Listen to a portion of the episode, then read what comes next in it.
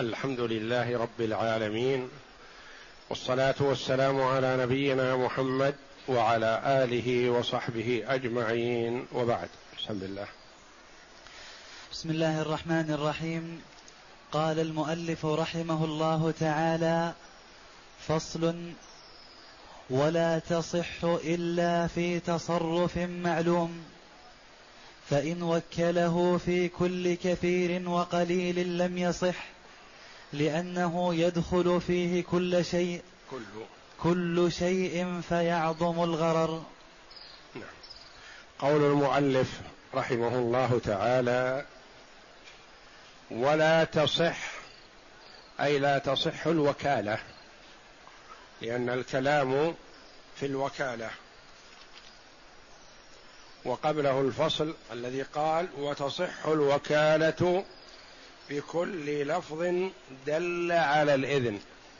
ثم قال فصل ولا تصح إلا في تصرف معلوم.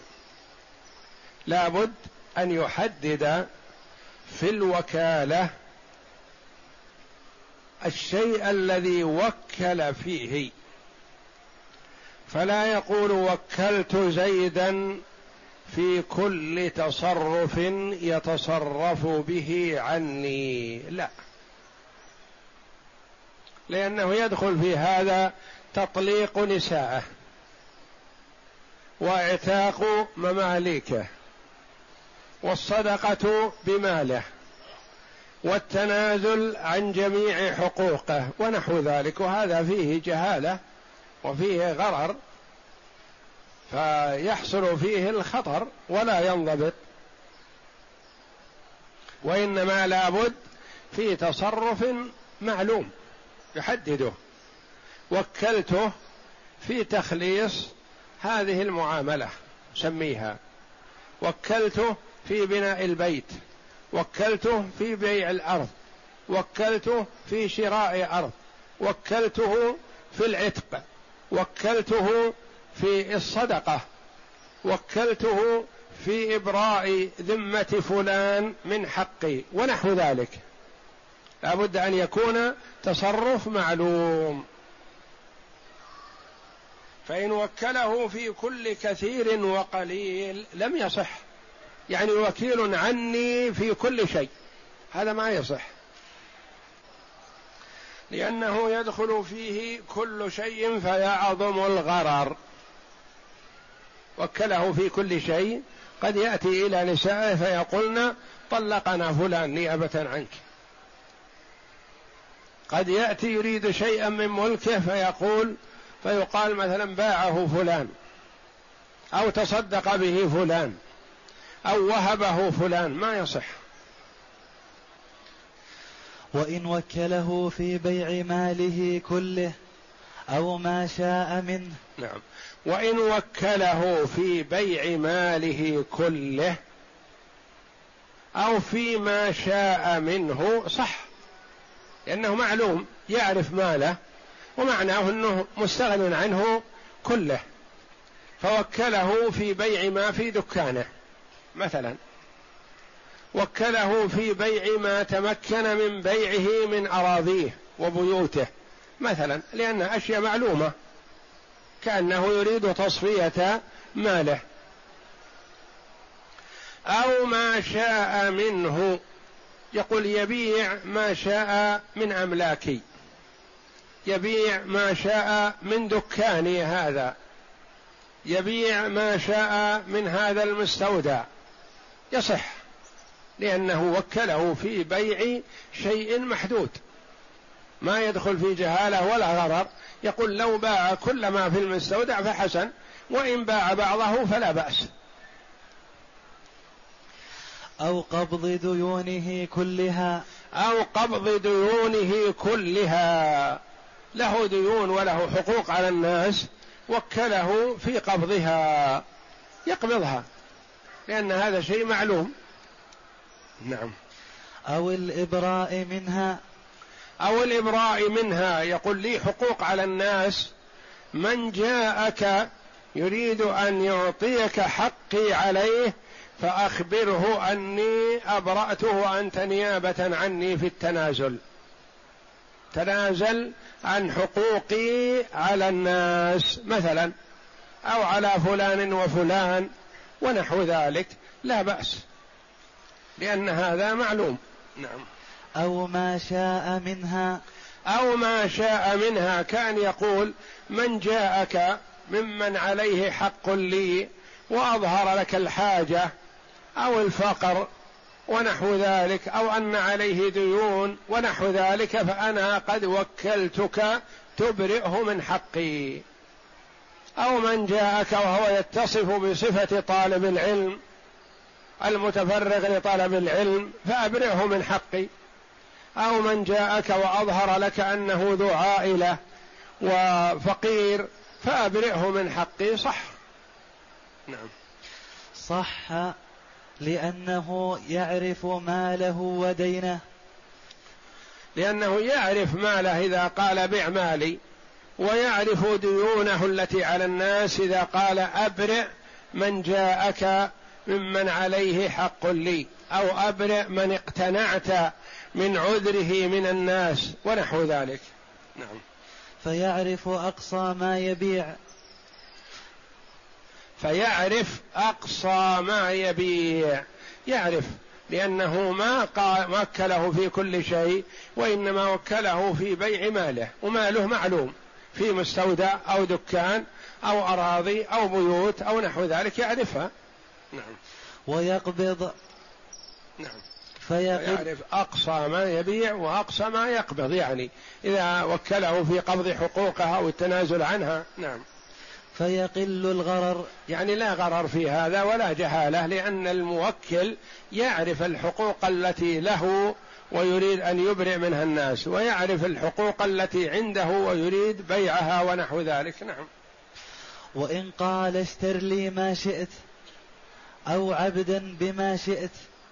فقال أبو الخطاب لا يصح حتى يذكر البيع وقدر الثمن. وإن قال اشتر لي ما شئت. فيقول أبو الخطاب من أئمة الحنابلة لا يصح هذا لأنه قد يكون الموكل قصد يقول اشتر لي ما شئت معروف في السوق. في حدود مئة ريال ألف ريال خمسة آلاف ريال كذا. فإذا به يذهب ويشتري له مثلا شيئا ما بمئة مليون. ما يصح. هذا اشتر لي ما شئت. حتى يحدد النوعية. أو عبدا بما شئت. اشتر لي عبد بما شئت. يقول ما يصح. لأن العبيد تختلف قيمتهم. عبد مثلا بعشرة آلاف ريال وعبد بمليون ريال مثلا يتفاوتون وإنما يقول اشتر لي عبدا في حدود كذا. يذكر الثمن. نعم. حتى يذكر البيع وقدر الثمن لأن ما يمكن شراؤه يكثر فيكثر الغرر. لابد أن يذكر حدود ما يشتري به لأنه قد يكثر كاهلة في حقوق لا يستطيع أداءها. نعم. وإن قدر له أكثر الثمن وأقله صح. إذا قدر له أقل الثمن وأكثره صح ولو لم يحدد المبيع مثلا أو المشترى. قال له ادخل السوق واشتر لي بضاعة في حدود ما بين عشرة آلاف إلى عشرين ألف مثلا صح. لأنه وكله في نوع البضاعة التي يريد شراءها وحدد له. فلو اشترى له بأكثر من عشرين ما صح. اشتر لي بضاعة في حدود ما بين عشرة آلاف إلى عشرين ألف. صح إذا حدد له ما يشتري نعم. لأنه يقل الغرر. يقل الغرر لأن بينهما هو مطيقه. من عشرة إلى عشرين هو حاسب حسابه على ذلك. نعم. وقال القاضي إذا ذكر النوع لم يحتج إلى لم يحتج لم يحتج. قال يقول القاضي أبو يعلى رحمه الله إذا ذكر النوع يكفي ولا يلزم أن يحدد الثمن. يقول اشتر لي أرضا مثلا في مكان كذا وكذا. معروف أراضي تلك الجهة أعلاها وأدناها وأوسطها يكفي. ما يلزم أن يحدد له يقول اشتر لي أرضا بخمسين ألف مثلا. يقول اشتر لي أرضا في مكان كذا. اشتر لي مثلا نوعا ما من الأشياء التي يحددها. اشتر لي سيارة صفتها كذا وكذا مثلا. معروف السيارة تويوتا مرسيدس إلى آخره مثلا. كل شيء مبين. يسمي أن يذكر النوع الذي يريده ويطلق له الثمن لأنه مأذون له في الثمن المعتاد. نعم. وقال القاضي إذا ذكر النوع لم يحتج إلى تقييد تقدير الثمن لأنه إذن في أعلاه إذا ذكر النوع يعني شلي سيارة نوعها كذا مثلا. لم يحتج إلى تقدير الثمن لا يقول في حدود مئة ألف في حدود سبعين ألف وهكذا. يقول اشتري سيارة صفتها كذا. يكفي. فهو مأذون له في شراء أحسن نوع من هذه الأنواع فما دون. وقد روي عن أحمد في من قال ما اشتريت من شيء فهو بيننا أن هذا جائز وأعجبه. وروي عن أحمد رحمه الله في من قال ما اشتريت من شيء فهو بيننا. يعني اثنان اتفقا. قال أحدهما لصاحبه اذهب إلى الحراج الفلاني. أو إلى السوق الفلاني أو نحو ذلك واشتر ما بدا لك وكل ما اشتريت فهو بيننا. فمعناه أنه عارف مستوى صاحبه ولن يرهق صاحبه بأكثر مما هو متحمل له لأنه اتفق على الشراكة ويقول اذهب للسوق معروض في بضاعة مناسبة واشتر ما بدا لك منه وما اشتريت فهو بيننا. لو قال اذهب واشتر لي ما رأيت ما صح لأنه قد يشتري له أكثر. لكن إذا قال ما اشتريت يعني كأنه يقول كل شيء اشتريته لنفسك فهو بيننا. يعني أنا مطيق ما أطقت فهو بيننا أن هذا جائز وأعجبه. يعني أعجب الإمام أحمد هذا الأسلوب أنه يفوض صاحبه في شراء ما يعجبه بينهما. نعم. وهذا توكيل في شراء كل شيء. وهذا توكيل في شراء كل شيء لكن في حدود. يعرف أن صاحبه لن يشتري الشيء الذي لا يطيقه. بخلاف ما قال اذهب واشتر لي ما بدا لك. قد يشتري لصاحبه بمئة مليون. مثلا لأنه قال اشتر لي ما بدا لك. لكن إذا قال اذهب إلى السوق وما أعجبك فيه فاشتره بيننا أو ما اشتريت لنفسك فهو بيننا. هذا محدد. محدد بطاقته هو وما يطيق هو فالموكل كذلك. ولأنه إذن في التصرف فجاز في غير تعيين كالإذن في التجارة. ما يلزم أن يعين؟ يقول اشتر لي النوع كذا اشتر لي رطب اشتر لي مثلا أرز اشتر لي مثلا قماش اشتر لي أواني. يقول اذهب إلى السوق واشتر ما بدا لك فهو بيننا فهو جائز. لأنه إذن في الشراء بالشيء المناسب يكون مشتركا بينهما.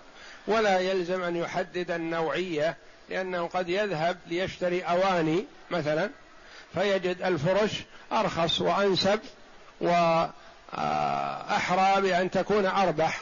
فيعدل عن شراء نوع ويشتري النوع الآخر فلا بأس بهذا. مثل الإذن في التجارة. يعني واحد أعطى آخر دراهم يتاجر بها ويقول هذه مئة ألف تاجر بها اشتر بها تجارة.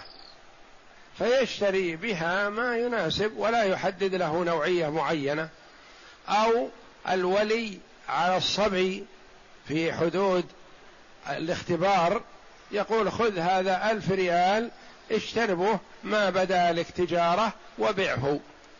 فلا يحدد له نوع من الأنواع وإنما يقول اشتر ما ترى أنه مناسب لأنه قصد بهذا اختباره فهو يختبره ليعرف هل هو يحسن البيع والشراء فيسلمه ماله أم لا يحسن البيع والشراء فيحتفظ بماله حتى يرشد. نعم. فصل ولا يملك من التصرف إلا ما يقتضيه إذن الموكل نطقا أو عرفا. لأن تصرفه بالإذن فاختص ما تناوله الإذن. ولا يملك التصرف إلا فيما يقتضيه إذن الموكل نطقا أو عرفا. في حدود ما أذن له فيه. قال له مثلا أنا سأقدم إلى مكة ومعي العائلة فأحب أن تشتري لي بيت. اشتر لي بيت في مكة. فاجتهد الوكيل واشترى له أرض. وقال الأرض أنسب يعمرها ويسكن فيها. هل دخلت في الإذن الأرض؟ لا. لأن الرجل يقول معي أسرتي فإذا قدمت تريد البيت موجود. فاشتر لي بيت في مكة. وراح وشرى له أرض. أو قال له اشتر لي أرض مثلا لنعمرها. فذهب واشترى له مزرعة. أو قال اشتر لي أرض. أريد أن أعمرها. فذهب واشترى له بيت معمور. هذا ما شمله الإذن. ولا يصح التوكيل ولا ينفذ تصرف الوكيل في هذا. فإن كان قد ذكره لفلان فهو باطل ولا يصح. وإن اشتراه على نفسه فهو يلزمه يلزم الوكيل ولا يكون للموكل إلا إن أراده. نعم. ولا يملك التصرف إلا فيما يقتضيه إذن الموكل نطقا أو عرفا. العرف له دخل. إذا كان العرف سائد في هذا فلا بأس. قال مثلا بع بيتي هذا. فذهب وباعه. ثم أخلاه من أمتعة المالك الأول وسلمه للمشتري. فجاء الموكل وغضب. قال يا أخي أنا قلت بعه ولم أقل سلمه لأن فيه بضاعة أحب أنا أن أنقلها. وأنت نقلت بضاعتي اللي في بيتي ما أذنت لك في ذلك. نقول هذا العرف جار فيه. ما يمكن بيع بدون تسليم. أنت قلت له بيع ويلزم من البيع التسليم. ما يقول أنا أبيع عليك البيت الذي ساكن فيه فلان مثلا وفقط ولا أسلمك إياه ما يصح ما يتم البيع. فالعرف جار في التسليم. بخلاف ما إذا قال له بع بيتي هذا. مثلا ثم باعه واستلم الثمن. فجاء المالك الأول يريد تسليم البيت وقبض الثمن فقال قبضته أنا. الثمن أنت وكلتني في البيع وأنا بعت وقبضت الدراهم. طيب أين الدراهم؟ والله منت عليك وتسلفتها. هل يصح هذا؟ لا ما يصح. أنا ما أذنت لك في القبض أذنت لك في البيع. القبض أنا أقبض. القبض ليس مشكل. وقبضك أنت بنفسك عني مشكل علي. تتصرف بدراهمي ما قبضت. راح البيت وراحت الدراهم معه. فما فقبض الدراهم ما جرى فيه العرف.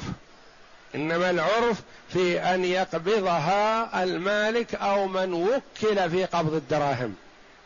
فأنت توكل مثلا صاحب المكتب العقاري في بيع البيت.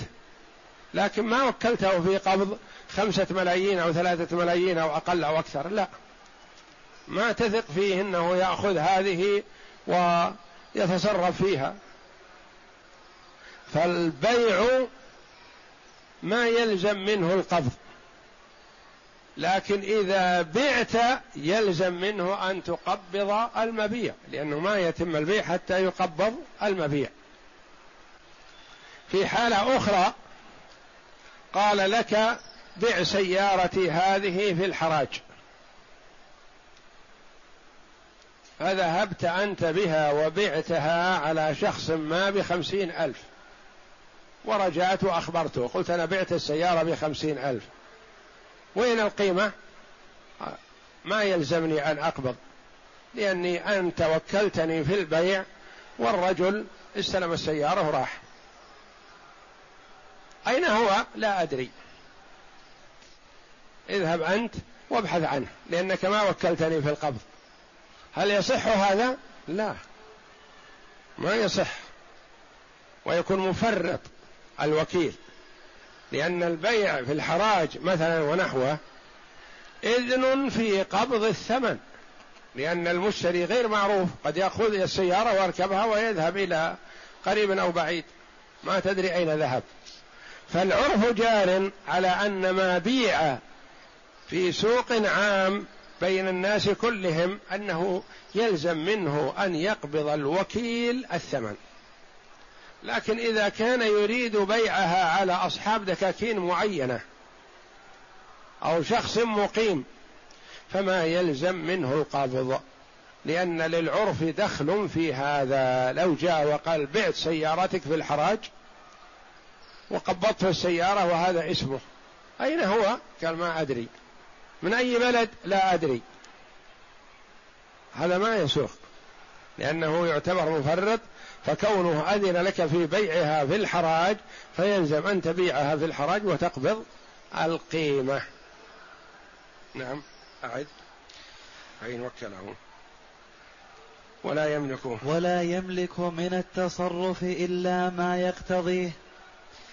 إذن الموكل نطقا أو عرفا لأن تصرفه بالإذن فاختص ما تناوله الإذن. يعني اختص التصرف بما تناوله الإذن يعني بما أذن له فيه. نعم. فإذا وكله في الخصومة لم يملك الإقرار ولا الإبراء ولا الصلح. فإذا وكله في الخصومة. قال بيني وبين فلان خصومة في أرض ما وكل شخص من المحامين أن يخاصم عنه. يقول أنا أستحي أذهب إلى المحاكم وأخاصم ولكن أنت يا فلان وكيل عني وكتب وكالة لمكتب من مكاتب المحاماة يخاصم عنه. هل يملك هذا الذي وكل في الخصومة الإقرار؟ إذا توجه إلى الموكل شيئا ما فيقر عنه هذا الوكيل؟ لا. ما يقر وإنما وكل في الخصومة. أو الابراء تنازع عند القاضي ثم إن الوكيل قال أنا أبرأت فلان من الحق الذي لموكلي. هل يصح؟ لا. لأنه ما وكل في الإبراء وكل في أخذ الحق. أو الصلح. عرض عليهما القاضي الصلح. في أثناء الخصومة قال لعلكم تصطلحون. قال الوكيل نعم. الوكيل أصلا يدعي بخمسين ألف مثلا. والآخر منكر. فعرض عليهما القاضي الصلح على ثلاثين ألف فقبل الوكيل الصلح. هل يصح؟ لا. لأنه ما وكل في الصلح. إلا إن جعل له. وجعلت له حق الصلح مثلا في الوكالة نعم يصلح. لكن على الوكيل إذا عرض عليهم القاضي الصلح أن يقول له أرجع لموكلي فإن أذن لي في هذا فبها وإلا فلا. ما يلزمه القاضي بالصلح وهو لم يوكل فيه. لأن إذنه لا يقتضي شيئا من ذلك. إذا وكله بالخصومة فالوكيل في الخصومة ما يشمله الإبرة ولا يشمله الإقرار ولا يشمله الصلح وإنما عليه أن يخاصم فقط. نعم. لأنه إذن لا يقتضي شيئا من ذلك. وإن وكله في تثبيت حق لم يملك قبضه. وإن وكله في تثبيت حق لم يملك قبضه. قال مثلا عند فلان لي مئة ألف. والرجل مماطل. وأحب تثبيت هذا الحق عند القاضي. فاذهب وادع به لي عند القاضي ليحكم به لي. فذهب هذا الوكيل وقبض المئة الألف خاصم وثبتها وقبضها. نقول لا ما يسوغ أن يقبضها لأنه موكل في التثبيت أو موكل في الخصومة ولم يوكل في القبض. أنت مثلا توكل أي شخص من الناس يخاصم عنك إذا عرف أنه صاحب بيان وحجة قوي في الإدلاء تحرص على توكيله. لكن ما تريد أن يدخل عليه ريال واحد لك. لأنك تعرف أن دخل عليه ريال واحد لكنه أبعد من البعيد. فأنت ما تريد أن يدخل عليه شيء وإنما تريد منه أن يخاصم فقط. فما يسوغ له أن يقبض. إذا وكل في تثبيت الحق أو وكل في الخصومة فلا يقبض. نعم.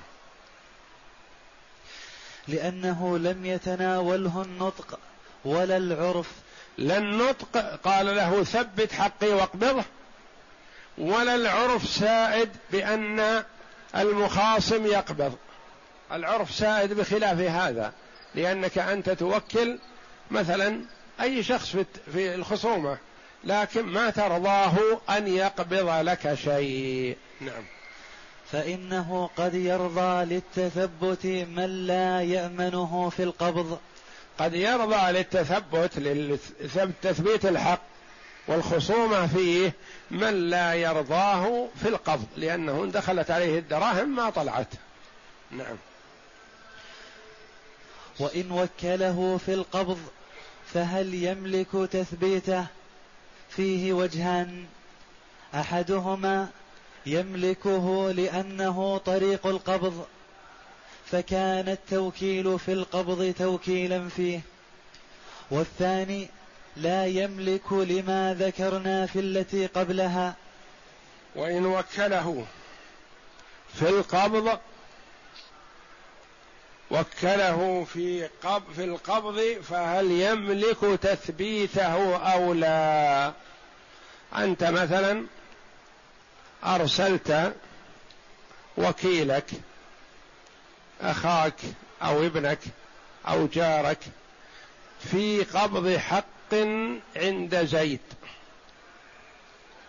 قلت اذهب إليه وأنا وكلتك في قبض حقي عند زيد لأنك تثق فيه. إذا قبض. فذهب فإذا زيد منكر.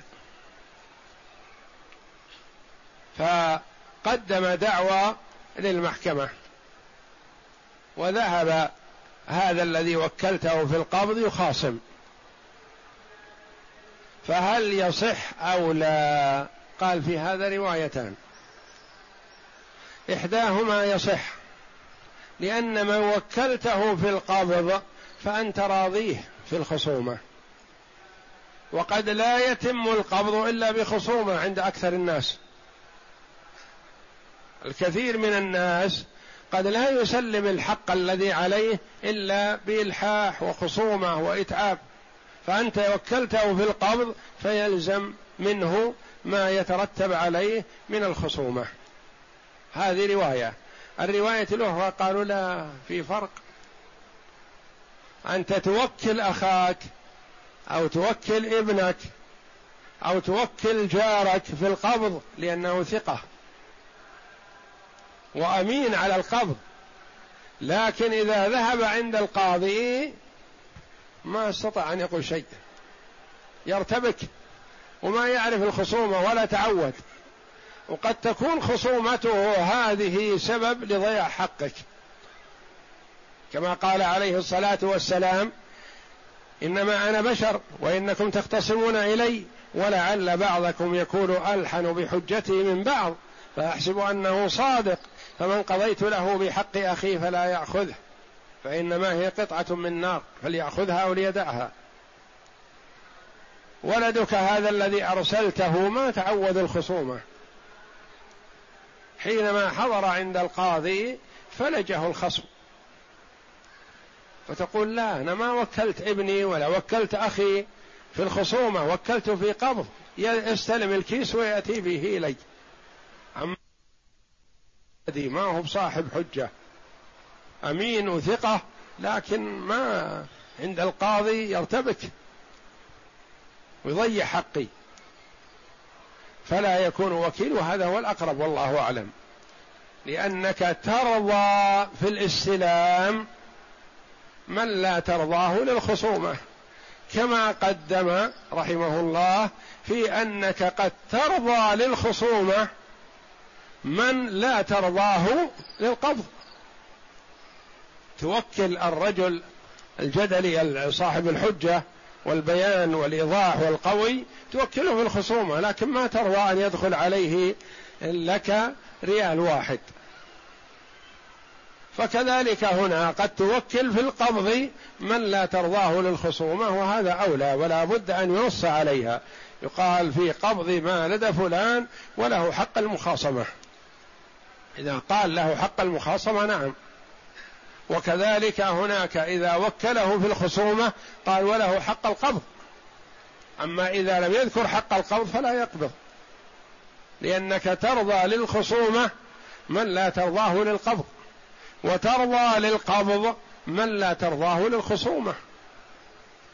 لأنك تقول مثلا لو عرفت أن المسألة تحتاج إلى خصومة كان أنا حضرت أو أرسلت فلان غير فلان هذا لكن أنا ظننت أنه يستلم ويأتي إلي.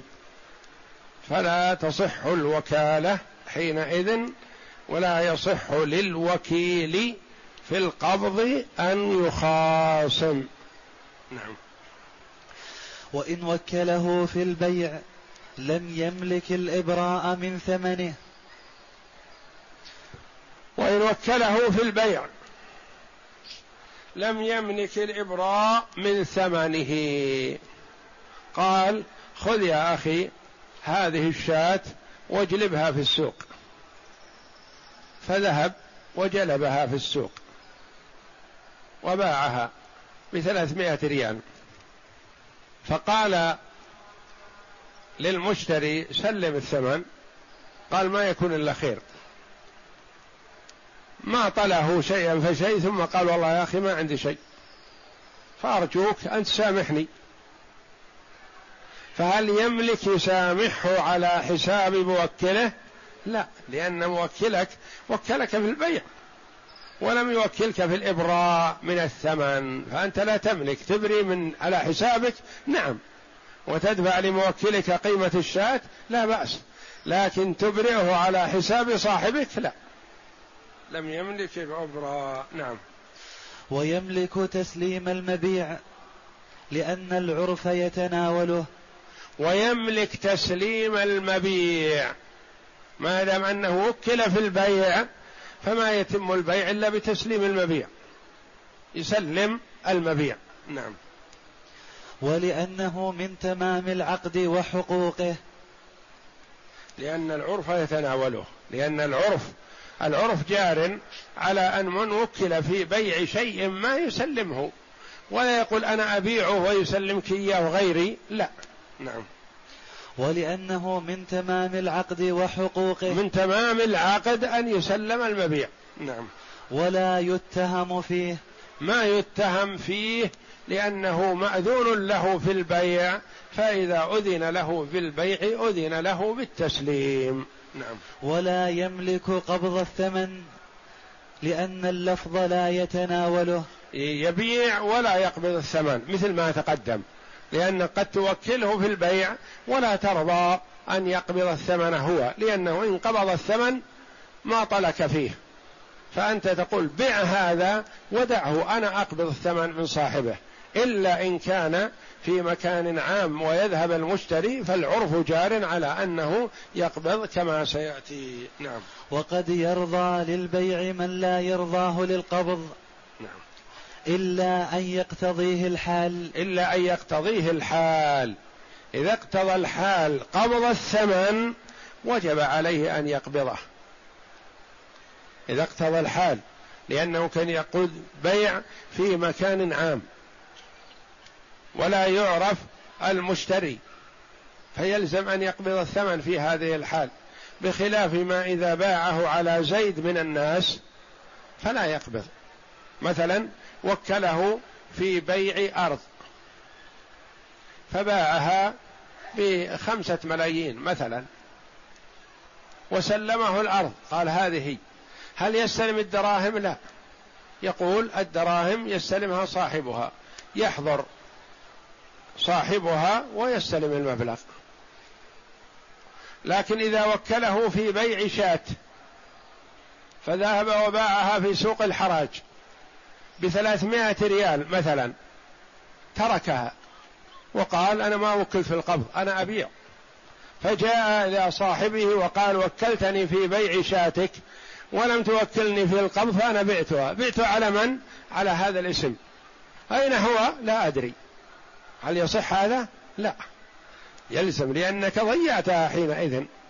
بخلاف ما إذا بعت شيئا محدد معروف على مشتر معروف فلا يلزم القابض نعم. إلا أن يقتضيه الحال بأن يكون بحيث لو تركه ضاع. لو تركه ضاع مثل مثل صاحب الشاة. باع الشاة بثلاثمائة ريال والمشتري ما أخذ برقبة الشاة وذهب. أين يجده صاحبه؟ ما ما يجده. فالحال يقتضي أن تقبض إذا قبضته الشاة أن تقبض الثمن. بخلاف الأرض الثابتة في مكانها والتي تحتاج إلى إفراط لدى كاتب العدل ونحو ذلك فهذه بعها أنت ومن حقك أن تستلم ما يخصك من سعي وعمولة ونحو ذلك وثمن الأرض يقبضه صاحبه لأنه يحتاج إلى إفراق ويحتاج إلى آه، مبلغ ولا يحب صاحب الأرض أن يكون الشيك باسمك أو لك لا يريد هو أن يقبضه. والله أعلم. وصلى الله وسلم وبارك على عبده ورسول نبينا محمد وعلى آله وصحبه أجمعين.